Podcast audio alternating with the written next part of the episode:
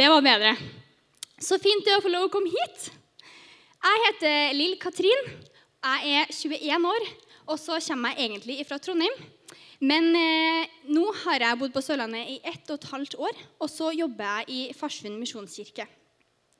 Og jeg mener at det er verdens eh, beste jobb, for jeg trives så godt. Og så får jeg henge med, med folk som er på deres alder, og eh, vi har det veldig gøy sammen. Jeg har bl.a. en eh, konfirmant som er veldig glad i å springe etter meg med en dobørste. Så det er sånn lite tips til hva dere kan gjøre med Elinas, Eline og Jonas. Første gangen jeg var her, det var i april. Og det var første gangen jeg smakte hariosa. Og hariosa det har jeg egentlig aldri hørt om før. Og det tok lang tid før jeg skjønte hva hariosa, eh, eller hva, liksom, hvorfor det heter. Og nå vet jeg endelig det, så nå har jeg litt mer sånn fred i hjertet for å komme hit. fordi da vet jeg hva jeg går til. Og eh, jeg kjenner Eline veldig godt. Så hvis dere vil høre noen eh, litt sånn flaue historier sånn om hun, så må dere bare komme til meg etterpå. Her er mye gøy jeg kan, jeg eh, kan by på. En ting som eh, jeg er veldig glad i, det er musikk. Jeg elsker å, å spille piano og synge. Selv om jeg egentlig ikke er så veldig god til noen av delene. Den eneste grunnen til at jeg lærte meg å, å spille piano, det var fordi at eh, jeg kunne lage en melodi når jeg skrev sanger fordi, fordi, jeg skriver en del sanger. Og um, Poenget med hvorfor jeg skriver sanger, er ikke fordi at eh, jeg vil at liksom, jeg skal bli kjent for musikken min, eller at andre skal høre det. Men for meg så er det terapi. Og um, når andre slår på en boksesekk for å få ut sinne og frustrasjon, så funker ikke det helt for meg. For meg så er det det å kunne drive med musikk som, eh, som hjelper meg når jeg har eh, mange, mange vonde følelser og ting er kjipt i livet. liksom. Og jeg vet ikke om dere noen gang opplever ting som er vanskelig. Det kan jo f.eks. være eh, mobbing, eller eh, at eh, foreldre skilles. At dere ikke trives på skolen, eller, eller at noen dere kjenner dør. Men sånne ting skjer. Og da kan det være vanskelig å skulle gå og bære på alt det som er liksom, tungt og trist og fælt og inni seg. Og da er det lurt å ha en måte å få det ut på. Og for meg så er det gjennom musikk. Og jeg tror det at hvis, at, eh, hvis man bare går og holder alt som er vanskelig, inni seg, eh, og ikke gjør noe med det, og ikke snakker om det, så tror jeg at man eh, kan bli skikkelig psykisk syk. Og det er det vi skal prate om i dag. Psykisk helse. Og når vi snakker om eh, psykisk helse, så er det mange, også meg, som tenker på dem som er psykisk syke. Men psykisk helse det er noe som alle sammen må tenke på. Den psykiske helsa di den er like viktig som den fysiske. Og de to henger som regel også ganske mye sammen. Og er det noe jeg brenner for, så er det det at eh, folk får vite at det å slite psykisk ikke er, farlig. Og det er ikke verre eller mer skumlere eh, enn å brekke en fot. Og allikevel, eh, selv om jeg har denne innstillinga, så kan jeg allikevel av og til svare bra når folk spør meg hvordan jeg har det. Selv om jeg egentlig ikke har det bra. For jeg tror ikke at de som spør, faktisk vil høre sannheten. Også at de bare spør for å være høflig. Og jeg tror ikke det finnes ett eneste her, menneske her i verden som ikke har følt på sorg eller at livet er vanskelig. Og Det betyr ikke at alle mennesker har slitt med angst eller depresjon. Men det er ikke alltid at livet går vår vei. Men selv om alle opplever det her, så tør vi ikke å fortelle til hverandre. Og det syns jeg er kjemperart. Jeg kjenner mennesker som har vært psykisk syke, og som fortsatt er det, men som ikke snakker om det. For det er liksom ikke lov. Men det er faktisk lov og så er det helt riktig. Det er lov å svare ærlig når noen spør deg hvordan det går. Og selv om det blir mer og mer vanlig å snakke om eh, psykisk helse, så har det ikke alltid vært det. Men psykisk sykdom det har eksistert hele tida, selv om vi ikke har snakka så veldig mye om det. Det står til og med om flere personer i Bibelen som ikke fikser det her å leve. Og en av de personene som jeg er ganske fascinert av, eh, var en mann som het Elia. Han var en mann eh, som var det vi kaller for en profet. Og eh, en profet det er en som har fått en, en, gave fra Gud som gjør at han kan fortelle om hendelser som kommer til å skje i framtida. Og det som skjer akkurat nå, om det er Guds vilje eller ikke. Og når man leser om Elia eh, før han eh, nådde bunnen, så syns jeg det er rart at han som var så viktig og så utrolig kul og bra, liksom, at han plutselig fikk nok. Elia han hadde bl.a. profetert om at det skulle komme regn over et landområde. og eh, det her var fordi at Gud ville straffe noen folk. Men så var Gud så veldig glad i Elia at han forsørga Elia likevel. Så når alle andre hadde, hadde matmangel pga. tørka, så passa Gud på at Elia alltid hadde vann. Og det var til og med noen ravner som kom med mat til han hver dag. Og Elia han gjorde flere under. Han, eh, han fikk folk som var døde, til å bli levende igjen. Og han, eh, de som trodde på andre guder, de, de, de sa Elia imot. Så til slutt så trodde de også på samme Gud som, som det vi gjør. Og jeg er ganske sikker på at eh, Elia han, eh, han var nok et forbilde for veldig mange. Og tror at, uh, at veldig mange syntes han var veldig kul og kunne tenkt seg å vært han. Men plutselig så sa det stopp for Elia også. Han som egentlig liksom fikk til alt. Det hele begynte med da Elia eh, utfordra noen som trodde på en annen gud enn det vi gjorde. Og ikke overraskende nok så greide Elia å bevise at det er den guden som vi tror på, som er den ekte guden. Og Pga. dette så fikk Elia 450 profeter som tilhørte den andre guden, eh, til å bli drept. Og det var ikke spesielt populært. Det var spesielt ei dame, og hun var kona til han som var kongen eh, hun ble så sint og liksom, eh, ble så frustrert over at han hadde drept alle de her menneskene, at eh, hun sendte han et brev, og så sa hun at, at, at at hun ville drepe ham.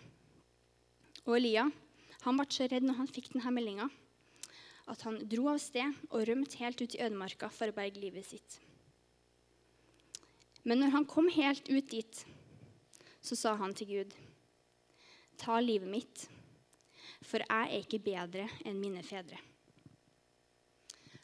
Etter alt det fantastiske som Elia hadde opplevd, så virka det som at hele hans verden bare datt sammen på null komma niks.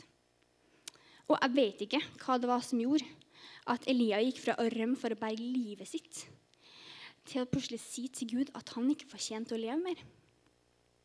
Men han kan umulig ha følt seg veldig bra på innsida. Den neste delen av bibelhistorien den kommer opp på skjermen. Eh, og det vi skal lese nå, det står i første kongebok, kapittel 19. Så la han seg ned og sovnet under gyvelbusken. I det samme rørte en engel ved ham og sa, Stå opp og spis. Da han så seg om, fikk han eh, øye på en brødleiv bakt på glødende steiner og en krukke med vann ved hodet sitt. Han spiste og drakk og la seg igjen. Men en Herrens engel kom en gang til, rørte ved ham og sa, Stå opp og spis. Ellers blir veien for lang for deg. Da sto han opp og spiste og drakk. Og styrket av maten gikk han 40 dager og 40 netter til han kom til Guds fjell, Horeb. Elia han hadde gitt opp og ville ikke le mer. Etter alt det som han hadde opplevd, så virka det som at eh, nå tror han at livet bare er over. Han har gjort det som han skulle gjøre, og nå var det hans tur til å dø. Han hadde lagt seg under denne busken, og det virker som at eh, planen hans var å bare sovne inn der han lå. Men da når det så aller mørkest ut, så sender Gud en engel. Og engelen han har med seg mat og drikke. Så vekker engelen Elia, og så sier han, 'Stå opp og spis'. Og Elia han spiser, han. Og um, på meg så virker det som at han var veldig vant til å se engler. fordi at eh, han reagerte ikke engang. Det var liksom OK, det er en engel. Greit, her er mat. Kult. Spiser jeg det? Og så bare går han og legger seg inn etterpå. Så fikk han hvile litt til. Og så kommer det engel, engel kommer enda en gang, og så sier han, 'Stå opp og spis.' Ellers blir veien for lang for deg. Og Lia, han står opp, og så spiser han litt mer. Og så begynner han å gå. Og så går han i 40 dager og 40 netter. Helt til han kommer til dette fjellet. Og det som skjer på det fjellet her, det er at Eliah Elia får et nytt oppdrag. Gud ga han noe nytt. Hvis han bare hadde fått ligget i fred under denne busken, så er sannsynligheten ganske stor for at han faktisk bare hadde dødd. Men Gud han er ikke sånn som lar oss gi opp. Han har omsorg for oss, og så kjemper han for oss. Og så ønsker han at vi skal ha det godt. Og jeg tror at eh, Gud sier 'stå opp og spis' til oss som lever i dag òg. Men han sier det kanskje på en litt annen måte og med andre ord. Men det betyr det samme. Jeg tror han sier 'stå opp og gå på skolen'. Stå opp og ta deg en dusj. Stå opp og gjør leksene dine. For hjernen din trenger å fokusere på noe annet enn bare det som er vanskelig. Når man er deprimert eller har det veldig tungt, så er det veldig lett å bare legge seg under dyna og bare ikke stå opp og bare ligge der hele dagen og ikke bry seg om hva andre sier. Og det funker ganske bra akkurat da. Og det hjelper kanskje også. Men det funker ikke i lengden. Du må fylle hodet ditt med andre ting, og ikke bare negative tanker og handlinger. Om det så skulle være at det å gå på kino hver lørdag hjelper, så gjør det. For du trenger å fokusere på noe annet enn bare det som er elendig og vanskelig. I Isaiah kapittel 40, vers 29-31, så står det Han gir den trette kraft, og den som ingen styrke har Nei, ingen krefter har, beklager, gir han stor styrke. Selvfølgelig skal du få lov å hvile når du er syk. Men det at ting er vanskelig, betyr ikke at du får lov til å gi opp og slutte å prøve. Og ikke slutt med de hverdagslige tingene som du gjør. Som å gå på skole, som å gjøre lekser, som å spise brødskive med, med leverpostei. For det er, de, er hverdagslige tingene Gud bruker for å holde deg oppe. Gud ga Elia kraft gjennom maten han fikk. Så han klarte å gå i 40 dager og 40 netter til dette fjellet, hvor Gud ga han noe nytt å leve for. Og på samme måte så gir Gud deg kraft gjennom hverdagslige ting i livet ditt, så han kan ta deg med på en reise med nye opplevelser og nye ting du kan leve for. Og hvis du er en av de her personene som har det vanskelig akkurat nå, og føler at du ikke fikser livet, at du ikke får det helt til, så har jeg fire gode tips til deg som jeg vet hjelper. Nummer én snakk med Gud om det. Det er ingenting Gud ikke kan hjelpe deg med. Og det er ingenting han ikke har sett eller hørt før. Du kan fortelle Gud om det som er aller vanskeligst i livet. Det som du egentlig ikke tør å fortelle til noen andre. For Gud han kommer ikke til å si det videre uansett.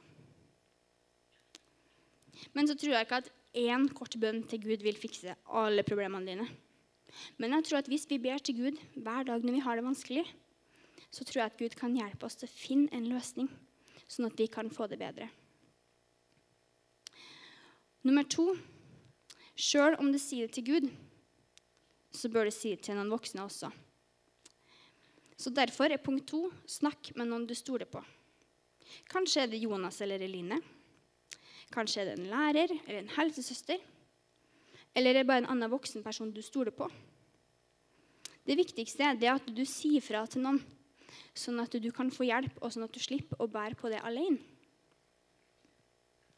Av og til så kan Gud møte oss gjennom sånne helt crazy opplevelser, og man bare opplever liksom Wow, Gud fiksa det sånn. Men vanligvis så møter Gud oss gjennom mennesker istedenfor.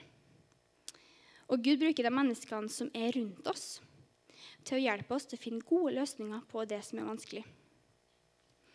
Og Gud han plasserer mennesker i livet ditt for at eh, de kan ta det av, deg, ta det av seg og hjelpe deg med det som du strever med.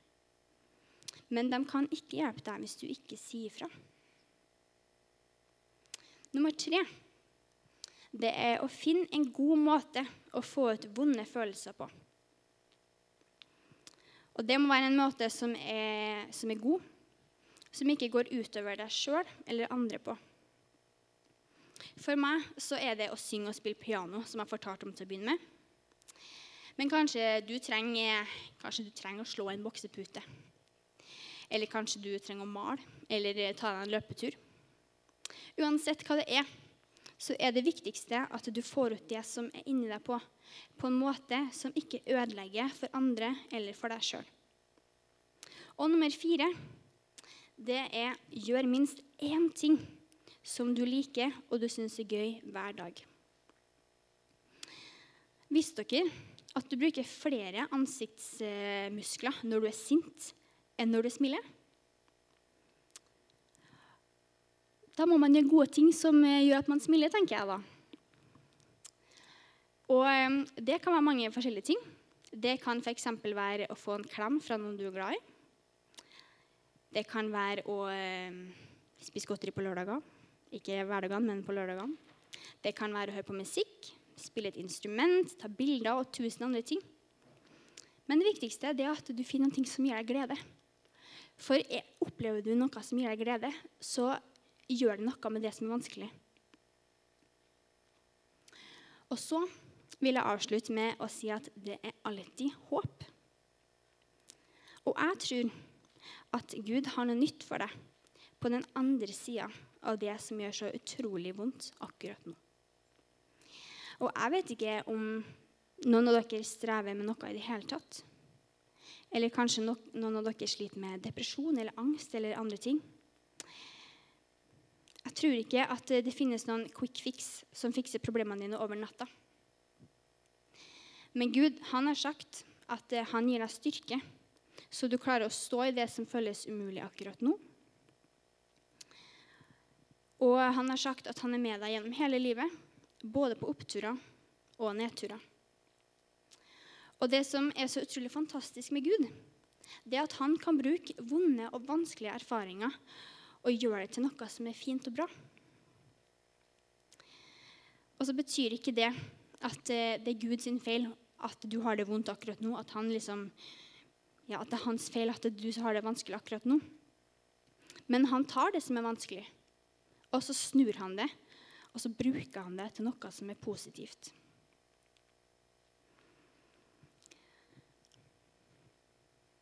Gud han hjalp Elia gjennom det som var vanskelig.